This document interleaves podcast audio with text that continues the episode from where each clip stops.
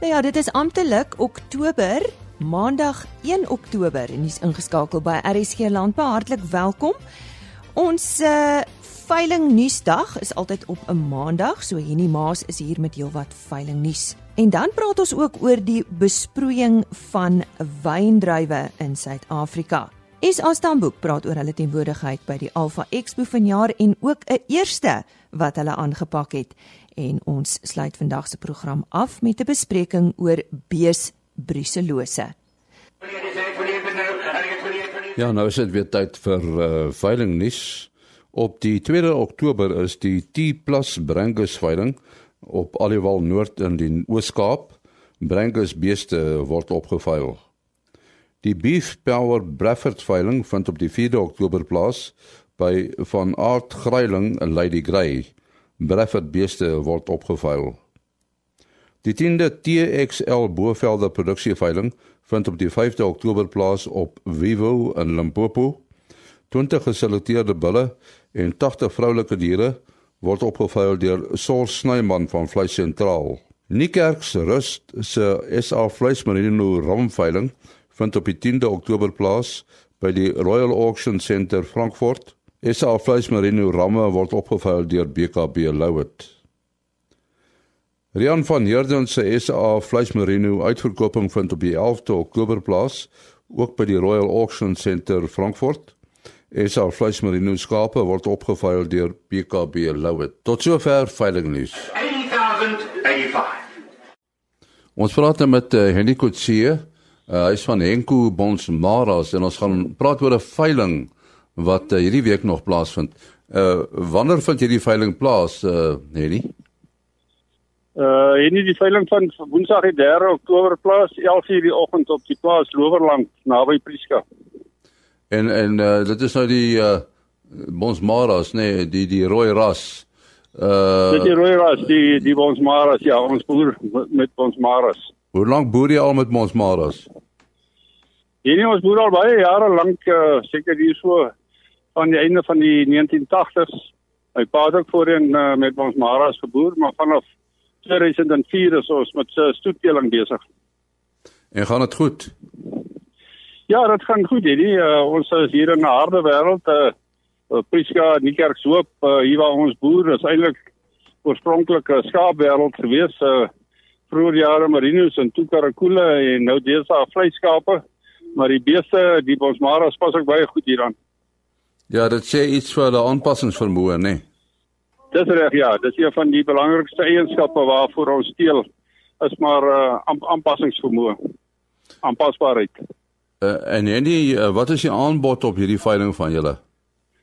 Ons bied so 32 bulle per jaar aan en 150 vroulike diere hier nie.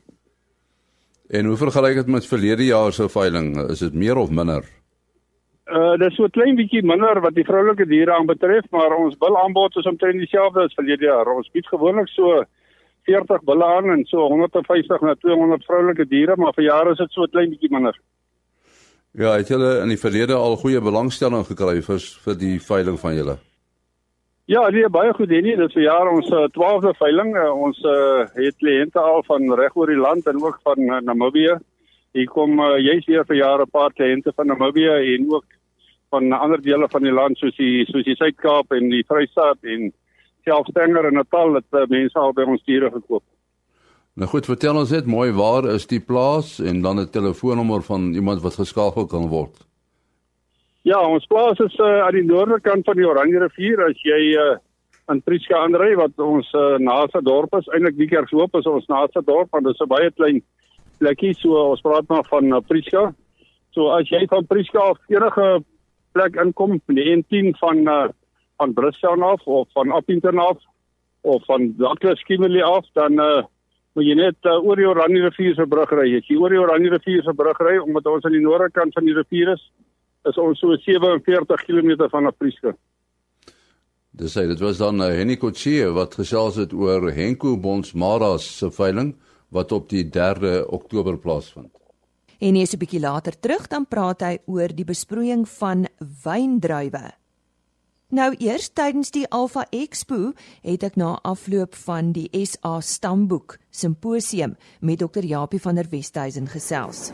Nou ons het vroeër in die maand ook met hom gesels oor hulle teenwoordigheid by Alfa. Ehm um, net weer Japie, wat het dit alles behels? Wat het julle alles aangebied? Dankie Lisa. Weet jy, uh, ek wil net begin deur te sê dat uh, Alfa bied vir stamboeke 'n geweldige goeie platform as ek dit so mag noem. Ja. Uh, of 'n wegspringplek dat ons uh, teelers bymekaar kan kry wat deel deel is van Stamboek se familie. Uh, wat ons hierdie jaar gedoen het, ons het die laaste 3 jaar het ons ons teelingssimposium uh Stamboek se jaarlikse teelingssimposium by Alfa aangebied, maar hierdie jaar het ons 'n verdere uitbreiding gehad. Het ons nie net die teelingssimposium aangebied die jaarlikse een nie, maar ons het ook van die streekstoekennings, uh Stamboek doen uh toekennings vir die top teelers in die land wat aanteken by ons. Uh streekstoekennings uh vir die Vrystaat streek die ehm um, noordelike provinsie se gedeelte in 'n klein stukkie van Noordwes provinsie se elite vleisbees toekennings uh, gedoen. Uh, dit was nou Woensdag plaasgevind net na die simposium en dan die aand het ons vir die noordelike provinsies die elite toekennings gedoen vir die melkkuddes, top melkkuddes. En dan uh, vandag wat nou donderdag is, uh oggend het ons 'n ontbyt aangebied vir die kleinvee kuddes uh wat dan die top uh kuddes is wat by stamboek aanteken. Nou die die kleinvee kuddes was hierdie elite toekenning was dan nou die heel eerste keer wat ons dit uh aangebied het. Voordat ons bietjie daaroor praat, hoe was die teenwoordigheid oor die algemeen? Julle is beïndruk daarmee? Ja, weet jy, dit het ons verwagtinge oortref. Uh ons het ons het nou maar altyd uh, en dis maar seker vasbyt, ek weet nie, uh ons by ons simposium het ons altyd so in die orde van 60, 80 mense gehad en hierdie jaar by Alfa het ons 280 uh mense gehad wat hoofsaaklik teelers was. Uh, ek wil amper sê 80% plus. Ons het uh, studente, nagraadse studente van universiteite af gehad. Ons het twee internasionale, eintlik 3, twee internasionale sprekers in die sin van uh professor Donna Berry. Hy hy hou ook 'n ere professoraat uh by by Tikkies. Ehm um, en en uh Dr. Andre Egen van Illumina die maatskappy wat die genomiese uh skyfies maak.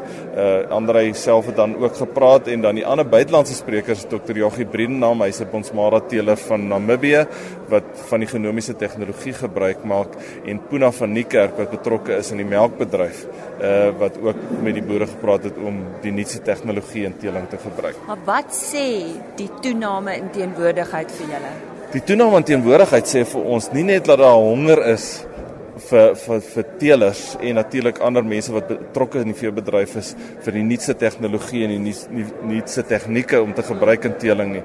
Maar dit sê ook dat jy moet op die regte plek wees en ek dink ehm um, ek praat nou van lokaliteit. Ehm um, en en Alfa bied dit vir ons. Uh in in die sin behalwe dat Stamboek nou van die eerste jare af al betrokke is by Alfa met ons stalletjie wat ons het en daar in in die, die dome self en so voort en waar ons baie voete uh verbykom en waar ons 'n klomp besigheid kan ek maar sê afhandel mense wat wil met ons praat.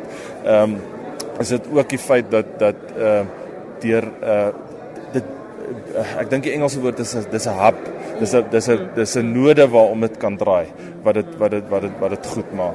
Uh miskien net so, so so van die ons op die jas uh die ander teenwoorde of die ander betrokkenheid van Stamboek is dat ons ook betrokke is by die sogenaamde money die Nutrifeed money maker koeie wat ons die wat ons ons teelers help of die genootskappe help om die, om die koeie te identifiseer die die vleis sentraal vers ehm um, uh verse jong vers kompetisie wat wat wat ons ook daai genetiese evaluasies doen vir vir die vir die genootskappe wat by stamboek aanteken en laat ons die verse identifiseer en dan op die jong ram kompetisie uh wat wat ons ook uh stamboek is verantwoordelik vir al die genetiese evaluasie vir al die rasse klein vee rasse en dit is vir ons moontlik om die ons Logix Merite indeks te gebruik om daai ramme te identifiseer. So dis op die kant kan ek maar ja, sê, maar die genootskappe self werk hard daar om om om hulle lyste op te stel en so aan. Nou die geleentheid waar ons nou staan en dis nou so vars in jou geheue, jy het nou net klaar gemaak met die klein vee wat nou die eerste was. Net so 'n bietjie meer daaroor? Ja, Stamboek het al uh, al vir geruime tyd het ons hierdie sogenaamde elite toekennings. Ons het dit in die melkbedryf vir die vir die vir die melk topmelkers en ook in die vleisbedryf. Dit is die Logix elite. Die Logix elite, ja. ja. ja. Uh, dis reg. En en en ons het dit vir die klein vee gehad, maar ons het tot nou toe nog nie geleentheid gebied dat ons 'n weier reeks teelers kan toekennings gee nie. So ons ons werk op die basis van die top 30% van die kuddes volgens sekere kriteria, ehm uh, gee ons 'n toekenning. Ehm um, gee ons toekenninge. Die die die laagste kategorie as jy dit sou wil noem, maar dis onthou dis nog steeds in die top 3 van die teelers is 'n brons toekenning en dan in top 20% is silwer toekenning, top 10% goue toekenning en dan die top 10 kuddes in die land gee ons dubbel goud en hulle kwalifiseer dan om volgende jaar einde April wat ons in Bloemfontein die groot gala elite funksie het in ehm um, van Stamboek. Hulle kom dan in aanmerking as platinum kuddes en 'n uh, eh, nasionale wenner. So die die lekker van vandag is is dat ons kan 'n groot groep teelers hê. Uh van die van die teelers wat hier of van die mense wat hier was, is dit 99% teelers. Jy was self hier, jy het gesien die ouens wat toekenning of die saal sit vol teelers. Uh en dit is dis dis nie dis nie buite mense nie. Dis dis ouens wat uh in hulle eie reg hier so is as Nou goed. Hier is nou luisteraars wat niks weet van waarna jy kyk nie en hoekom kry hulle 'n toekenning? Baie kort, waaroor gaan Ja, dit gaan basies oor hoe hoe goed die ou aanteken, die teeler aanteken. Met ander woorde, neem hy die gewigte van sy skape, neem hy die wolgewig, die wolkwaliteit, uh, neem hy dit in ag doen hy groei toets met sy jonger rammetjies, hoe volledig is sy rekords om sy seleksiebesluite te maak. Dis die een ding. Die tweede aspek wat saak maak is hoe vrugbaar is sy kudde, met ander woorde hoe goed bestuur hy sy kudde en hoe goed selekteer hy sy rammetjies en oeye vir vrugbaarheid. So dis dis dis dis dis dis dis die dis die tweede aspek. En die derde een is die genetiese vlak van sy kudde. Met ander woorde, hoe goed gebruik hy die goed wat ons vir hom teruggee, die teelwaardes wat ons vir hom teruggee en om sy teeldoelwitte te bereik. So daai daai drie aspekte word dan in ag geneem en dan word die word die kinders bloot in rangorde gesit mm. volgens daai punte wat so dis 'n mm. absolute objektiewe meting uh van van van van plasing van daai kinders. Nou ja, sê baie dankie aan Dr. Japie van der Westhuizen van SA Stamboek en uh, dit is dan Lise Roberts hier by Alpha 2018. Dankie Lise. Ons sluit nou weer aan by Henny Maas. Ons gaan 'n uh, bietjie gesels uh, nou met Willem Botha van Netafim en ons gaan met hom praat oor uh, 'n boek, 'n handboek vir besproeiing van wyndrywe in Suid-Afrika wat onlangs lig gesien het. En uh die navorsing is gedoen uh is nou reg Willem oor 'n oor 'n periode van meer as 50 jaar. Vertel ons 'n bietjie meer, uh, wat is die primêre fokus van hierdie boek? Baie dankie Henny en goeiedag luisteraars. Ehm um, die primêre fokus van die boek is om op die praktiese gedeelte van besproeiing van wyndrywe te fokus en nie soseer die fisiologiese reaksies en of waterverhoudings nie. Die boek fokus dan ook op die optimalisering van van wynkwaliteit asook om die waterverbruiksdoeltreffendheid van van wyndrywe te verbeter. En en wat word alles uh, onder andere, jy het nou 'n paar genoem uh, in hierdie boek aangespreek? Die boek gaan eintlik oor alle aspekte wat wat te doen het met wyndryfverbouing waar besproeiing en of of of beïnvloed word of 'n invloed het. So so in die boek word daar gekyk van die grond en die klimaat. Daar word gekyk na verskillende besproeiingsstelsels, waterkwaliteit, waterstatus van die wingerdstok, verskillende strategieë en dan ook die praktiese skedulering. En dan die heel laaste hoofstuk gaan oor rybestryding. So dit is regtig uh uh die die basiese A tot Z Z van wyndryfbesproeiing en 'n baie omvattende handboek wat ek glo al die vrae van die wingerbekundiges en die wynboere sal beantwoord. Nou, is dit waarom jy besluit het om by die boek betrokke te raak? Dit is dit dis reg so hè nie. Um op die einde van die dag navorsing is belangrik. Aanvanklik was die projek geïnisieer deur die Instituut vir Wingerd en Wynwetenskappe waar hulle ons genader het om om betrokke te raak en hulle dan ook vir Willa Monas Akademie ook betrokke gekry om om om die boek te laat te help borg. Op die einde van dag is besproeiing 'n kritiese komponent van wyndryfverbouing en en is dit seker een van die belangrikste gereedskapstukke vir, vir enige wynboer of wingerdbekundige. So ons kan dit amper die Bybel van wyndrywe wyndryfbesproeiing noem. Nou as mens gaan kyk na Philip se navorsing oor oor al die jare en sy toewyding is dit is dit maar net 'n manier wat ons ook wil as maatskappy wil dankie sê en ietsie wil terugploeg in die bedryf. Natuurlik gaan dit maar nou ook oor innoverend en innoverende denke en is dit vir ons as maatskappy baie belangrik om heeltyd betrokke te wees en en ook deel te neem aan innovasie. 'n Ou met die naam Dien Kaman het op 'n stadium gesê elke nou en dan verander nuwe tegnologie 'n ou probleem en 'n groot idee in innovasie en en dit som hierdie baie baie mooi op. En uh wat watter waarde sou mense kan die boek tot wynboerderye voeg? En nie op die einde van die dag gaan dit gaan dit alles oor inligting en om 'n gemeenskaplike punt van inligting te hê. So die boek bring alle inligting na die tafel. Die wat ons al vergeet het, selfs die wat die navorsing wat in 'n kas iewers te lê en stoffe gehader tot die nuutste van die nuutste. Ehm um, dit is so dis regtig 'n handboek vir enige wynboer. En en ek glo ek glo dit gaan die boere help, die wingerdboekundiges help om te besluit op strategieë hoe moet ek dit doen en en soos ek ook vroeër vroeër genoem het, gaan dit mos nou oor die op, optimalisering van wynkwaliteit. En en sou studente ook die boek kan gebruik? Absoluut. Ehm um, ek dink dit is dit is presies waar wat Philip ook gedink het om te doen is om te fokus op op die jonger generasie ook. Ehm um, hulle is immers die ouens wat môre se wyn gaan verskaf en en wyn gaan maak. So dit is 'n regtige eh, handleiding wat hulle wetenskaplike kennis kan aanvul. So 'n bietjie weg van die boek af, uh die droogte in die Weskaap, uh, sou jy sê dit dis 'n mate gebreek wat die wynbedryf betref? En nee, dit is altyd moeilik as mens as mens so gaan praat. As ons gaan kyk die afgelope seisoen, het ons baie goeie reën gekry, Mei, Junie maand. Julie was dit droog. Augustus het het ons weer goeie goeie reën gehad. En alhoewel die damvlakke wys dat dat ons ehm um, uit die droogte is, weet is is dit maar nog steeds uh, nie 'n krisis meer nie, maar is dit nog steeds belangrik vir ons om ons water ehm um, optimaal te gebruik. Die, die stad Kaapstad se grootste damme be, begin nou net so naby 70% vol te wys. Maar daar is regtig nog dele in die Klein Karoo en Suid-Kaap wat nog baie baie droog is en en hou ons ook maar nog steeds as duime vas vir goeie reën. En dis natuurlik waar presisie besproeiing inkom, nê, nee, uh as jy mens so iets uh so so droogtes mee te kamp het. Absoluut. Alles gaan op die einde van dag oor die effektiewe gebruik van jou beskikbare water. So dit gaan dit gaan oor om enige verliese te bekamp of dit nou 'n lekplek is of of dit nou verdamping is. Ons moet die water so effektief as moontlik gebruik. Maar dit gaan nie net oor die gebruikie.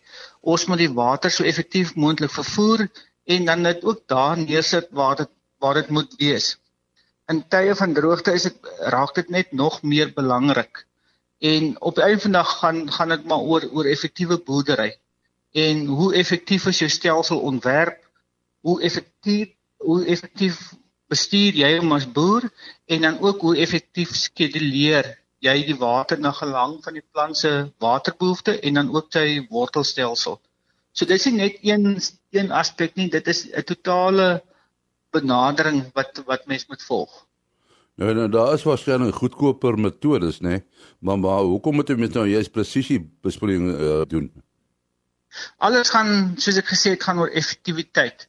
Uh 'n boer, 'n groot wingerdboer in in Lodi, Kalifornië het op 'n stadium vir my gesê 'n klompie jare terug dat op 'n einde van die dag gaan dit nie om om goedkoop ehm um, kapitaal uitleg te doen nie. Jy moet die beste doen wat in jou vermoë is want as jy dinge reg probeer doen, spaar mens op die lang termyn op jou loopkoste. So enige stelsel kan dit doen, maar dis om te sê dat enige stelsel dit effektief kan doen en en mens moet terugbeweeg na na effektiwiteit toe en dit is baie belangrik. Daar daar is seker eh, 'n uh, suksesverhaal of twee van 'n wynboer wat beter opbrengste deur middel van pres, presisie besproeiing gekry het, nê. Nee. Daar's heelwat van hulle en dis altyd moeilik om ons nou een een boer, een wynboer uit te sonder. Vir my gaan dit nie so seer oor oor hoër produksies en so nie. Dit gaan eerder meer oor die kwaliteit en en en jou fokus op jou wyndoelwit. By vrugtebome gaan alles oor oor die grootte van jou vrug. Hoe wat is die voorkoms van die vrug want want die gebruiker in die winkel koop 'n vrug na aanleiding van hoe hy lyk en hoe groot hy is. Maar maar by 'n wyndrywe werk is die primêre vrug eintlik iets anderste. Die vrug wat ons gebruik vir wyndrywe is eintlik daai bottel wyn wat op my en jou tafel staan op 'n einde van die dag. En en en dit wat normaalweg goed is vir vir vrugte is nie noodwendig goed vir vir rooi wyn nie of vir vir gewone wyne nie. So op die einde van die dag moet jy soos die Engelsman altyd sal sê horses for courses en gaan dit oor die optimalisering van van jou wyne en van jou kwaliteit. Ehm um, en gaan dit net gaan dit nie net oor produksie nie. Nou as jy baie dankie aan Willem Botha, hy is die bemarkingsbestuurder van Netafim. Dankie Henny en nou vir ons gesprek oor bees bruselose. En dit is 'n kroniese bakterieële siekte wat reproduksie en produksieverliese in kulles tot gevolg het. Dit kan uh meeste ander organismes insluit mense besmet. En dit is 'n groot uitdaging vir diere gesondheidsrolspelers in Suid-Afrika.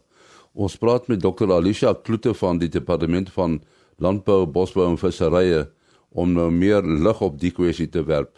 Alicia, miskien heel eers, waar kom brucellose in die land voor? Okay, ehm um, beesbrucellose kom basies reg oor die land voor. Ehm um, dis aan al nege provinsies gerapporteer, maar is veral gekonsentreer in die sentrale binneland en hoofveldgebiede. Hoekom word uh, hierdie siekte as 'n kudde siekte beskou? Ehm um, die probleem met brucellose is ehm um, die siekte het 'n baie lang inkubasieperiode. Ehm um, en met inkubasieperiode bedoel ek dis nou die tydperk vanaf die bees die bakterieë inneem uh totdat die bees begin positief toets op toetse, die organisme begin uitskei of simptome begin wys. Inkubasieperiode hier kan uh vele weke tot vele maande vat. Um en vir die rede as al net 'n paar, kom ons sê 5 uit 100 positiewe beeste in jou kudde opgetel word, moet ons die hele kudde onder kwarantyne plaas omdat jy nog in die volgende paar maande toetse moet doen om te kyk wie anders nog positief toets. En en nou watter diere in in 'n beeskudde moet geënt word? Volgens die dieresiektewet moet al jou vers kalwers spesifiek tussen die ouderdom van 4 tot 8 maande geënt word met 'n geregistreerde produk. En die rede hiervoor is om ons te probeer kry om saam te werk om die nasionale kudde te beskerm. Hier is dit net baie belangrik om te onthou dat bulle nooit geënt moet word nie, aangesien dit 'n lewendige enstof is wat hulle steriel kan maak. En die enstof wat beskikbaar is, hoe hoe moet dit gebruik word? Kyk, daar staan twee enstowwe beskikbaar, S19 wat jy vanaf die koöperasie kan kry en dan RB51 wat jy deur jou veearts kan kry. Uh S19 moet spesifiek net in verse tussen 4 tot 8 maande gebruik word en nie in diere wat ouer is nie, maar RB51 mag tussen 4 tot 8 maande gebruik word en kan ook gebruik word in ouer ouer verse en ook in nie dragtige koeie. Um hier wil ek net ook klem lê op uh dit is moontlik vir die boere om dan self hulle verse te en, maar baie belangrik om altyd die voubiljet van die enstof te lees sodat jy veilig kan gebruik. Moet jy so 'n ag neem dat dit wel 'n lewendige enstof is. So as jy jouself per ongeluk inspuit of per ongeluk in jou oë kry, kan jy geïnfekteer word met die bakterieë. So dis net belangrik om dit veilig te gebruik. En en dan die vraag, uh, hoekom moet boere hulle verse in en teen brucellose? Hierso is brucellose enting in jou verse baie belangrik vir jou algehele kudde immuniteit. Hier wil ek 'n vergelyking tref aan hoe ons kinders ook ent teen sekere siektes soos measles. Byvoorbeeld as jy in 'n skool genoeg kinders het wat geënt is teen 'n siekte soos measles, is die kans vir 'n uitbraak baie skraal. Net so met jou beeskudde, as jy elke jaar jou verse ent, is jou kans om brucellose infeksie op te tel kleiner want 'n groot persentasie van jou kudde gaan beskermd wees. En ook weens die rede hoekom dit in die wet voorgeskryf word, is om te dien as 'n dryfveer om die nasionale kudde se immuniteit te bevorder. Met ander woorde, hoe meer beeste geënt word, hoe skraler is die kans om die infeksie op te tel. So as ek hulle dan uh, 100% teen brucellose beskerm as hulle nou geënt is. Ongelukkig is die antwoord hierop nee. Um, ek sal net nou 'n bietjie verder daarop uitbrei. Um, ek wil net hier noem ook dat enting is maar net een van die vele voorsorgmaatreëls wat ingestel moet word om jou kudde te beskerm. 'n uh, Goeie biosekuriteit baie belangrik en dan een van die belangrikste dinge is om slegs beeste aan te koop van negatief getoetste kuddes. Dis een van jou belangrikste strategieë. Die rede hoekom enting alleen nie noodwendig 100% sal werk nie, is omdat infeksiedruk 'n rol kan speel. Byvoorbeeld as jy 'n intensiewe melkkudde het wat kom ons sê 'n hoë infeksiesyfer het, sê net maar 40% is geaffekteer, dan kan die infeksiedruk in die bakterieële lading so hoog wees op 'n plaas dat dit wel die entingsimmuniteit kan oorkom en beeste kan infekteer, dit dat mens ander maatreëls ook moet tref om te verseker dat jy jou beeskudde veilig hou. Dink jy dat dat, dat boere en rolspelers nou baie meer bewus is van hierdie siekte as as 'n paar jaar gelede? Ek dink daar definitief 'n vernuwing en 'n herlewing gekom met die hoeveelheid inligting wat deesdae oor die siekte um gedeel word. Um daar's ook baie bewusmakingsveldtogte in verskeie mediaforums om uh boere, veeartse almal meer bewus te maak van die siekte. En ek dink ook daar is ook meer mense wat begin toets en wat die probleem begin optel. So ek dink ons voer deesdae baie meer gesprekke en mense is definitief baie meer bewus van die siekte wat definitief 'n goeie ding is. Ons sê dankie aan Dr. Alicia Kloete van die departement landbou, bosbou en visserye wat gepraat het oor hierdie siekte brucellose. En dis dan tyd om te groet. Baie dankie vir u tyd vanoggend. Onthou môreoggend weer saam met ons te kuier vir nog RSG landbou nuus. Totsiens. RSG landbou is 'n produksie van Plaas Media. Produksieregisseur Henny Maas. Aanbieding Lisa Roberts. En inhoudskoördineerder Jolandi Root.